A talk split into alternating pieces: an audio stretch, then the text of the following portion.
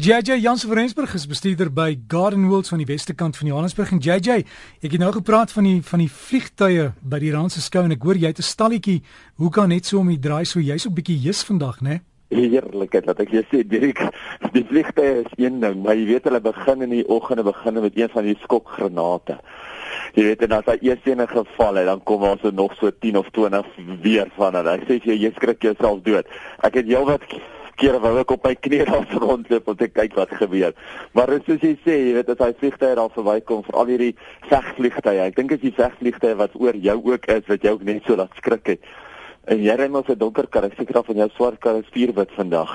ja, nee, maar jy jy regtig weet as daai ding daaroor kom en hulle so laag, jy sien hom ons nie. Jy hoor net daai ja. geluid en dan ja, ewe nee. skielik ja. tref dit vir jou en jy skrik vir jou papi, papi, papi.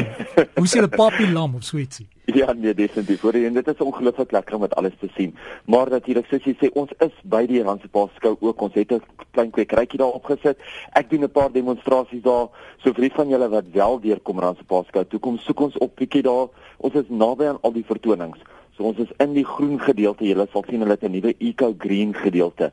En ek moet sê ek is nogal heel verbaas oor hoe goed dit hierdie jaar gaan met Randse Paas skou. Ek dink as jy besig om sy ou glorie terug te kry van 'n paar jaar gelede, jy weet, ek weet baie mense sê ja nee, hy het agteruit gegaan, maar deesdae lyk dit dan baie baie beter. So wees maar gerus as jy deurkom. Ek dink dit gaan nogal vir jou lekker wees om deur te kom dan se Paskou toe. Jy jy hierdie tyd van die jaar, die seisoen verander, die blare, die val, wat moet ons in die tuin doen? Dit is nogal heel interessant hierdie tyd van jaar, want mense weet mense eintlik altyd wat om te doen in die tuin nie. Jy weet, 'n ou is altyd onseker, moet mense nou begin met jou wintersnoeiwerk, moet mense al begin om jou wintersaailinge te plant, moet mense dalk jou somersaailinge wat eintlik nog so 'n bietjie mooi blom ook uithaal en van hulle slank ontslaa raak. Nou as jy as jy somersaailinge nog baie mooi lyk, kan 'n mens hulle nou eintlik nog inhou. Maar wat 'n mens kan doen, is jy kan slank van jou wintersaailinge tussen jou somersaailinge begin inplant.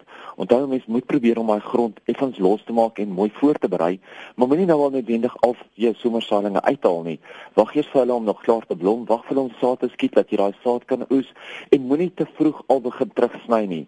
Ek weet die aande is nog lekker koel. Cool is of is al lekker koel, maar die dae is nog warm. So as jy net nou te vinnig gaan begin terugsny, gaan jy nuwe groei promoveer deur die dae en dan gaan jou plante dalk kan seer kry as daai winterkoue deurkom. Onthou ons moet wag vir ons plante om in dormansie in te gaan. Ek het baie mense wat my bel en sê, "Jy jy ons moet plante verskuif. Ons moet ons broodbome verskuif. Wanneer kan ons dit doen? Wanneer is die beste tyd om dit te doen?"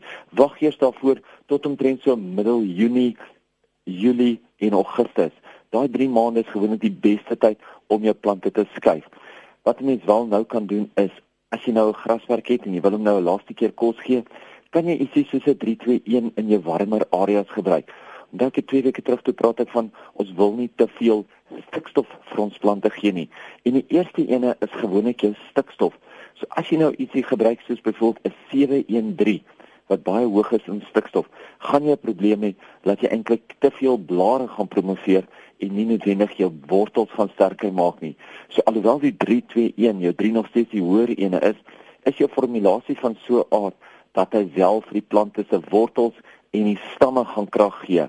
As jy in 'n kouer area bly, gebruik eerder 'n 815 of 'n 315.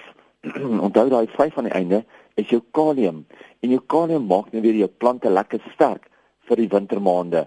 So kyk na 'n 815 of 'n 315 as jy in 'n warm area bly en jy wil jou somerblommende plante weer 'n slag voer en jy weet maar jou koue kom gewoonlik eers in Mei maand of begin Junie daar verby, dan kan jy jou plante nou nog steeds ook 'n 815 of 'n 315 voer want net soos daai kalium vir jou lekker sterk selle gaan gee, gaan dit ook vir jou lekker baie blomme gee.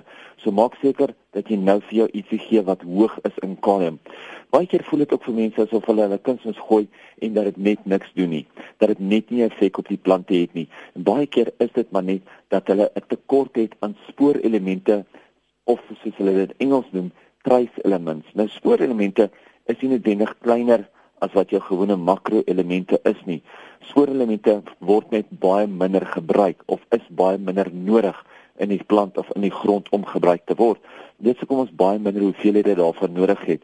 Ons makroelemente is mos maar die gewone bekendes, dit is jou stikstof, jou fosfate en jou kalium en jou spoorelemente is dan jou kleiner elemente soos byvoorbeeld jou boron, jou jou elemente wat in kleiner hoeveelhede voorkom. Boron, magnesium, mangaan, yster ensovoorts. As jy sien dat jy sukkel dat jou kunsmis nie opgeneem word nie, dan is dit baie keer net 'n tekort aan spoorelemente wat die draer is van daai kunsmis wat in die plante ingedraai moet word. So kyk jy uit na jou spoorelement oplossings, kyk hoe kan jy dit in die hande kry en dit dan ook in die tuin uitgooi. Onthou, mense hoef dit net een keer 'n jaar, een keer elke 6 maande, een keer elke 2 jaar te doen. Hang alles af van hoe gereeld jy kunsmis gooi en wat die effek van jou kunsmis op jou tuin is. Dirk, dis nou ook die tyd vir mense om hulle winters of om hulle somersaailinge se saad te begin oes. Ek het net gepraat van wag eers laat die saad klaar skiet, maar onthou as jy nou jou somersaailinge se saad gaan oes, ek praat nou van jou afrikanertjies, praat van baie van jou salies, baie van jou as um somersaailinge gaan nou begin saad skiet. Jy mens moet wag dat daai saad eers behoorlik droog word en ryp word op die plante self, dan kan jy dit oes Jy kan dit oorsit in 'n papiersakkie, 'n koevert, 'n boksie en seker maak dat jy hom so droog ergens in 'n koel cool area. Moet hom nie ergens in 'n area sit waar hy baie son gaan kry of baie hitte gaan kry nie, dan gaan hy brand, hy gaan seer kry en 'n mens moet dan hom so op 'n manier probeer varshou dat jy hom wel volgende jaar kan saai. Maak seker dat jy dit goed merk, dat jy weet wat jy daar sê en waar dit geplant was. As jy 'n groot tuin het, dat jy weet waar jy dit weer kan saai. Dirk, dit is al van my kant af vir hierdie week. Mense moet 'n lekker pa Paasnaweek hê, baie geseënde tyd. En vir die van julle wat wil kom kuier, kom kuier gerus daar by die Garden World uitstalling, daar by die Randse Poskou. So gesels JJ Jans van Rensburg, bestuurder by Garden World, gaan loer op hulle webtuiste Garden World en sien opens dit daar vir al die inligting en lekker tuin maak.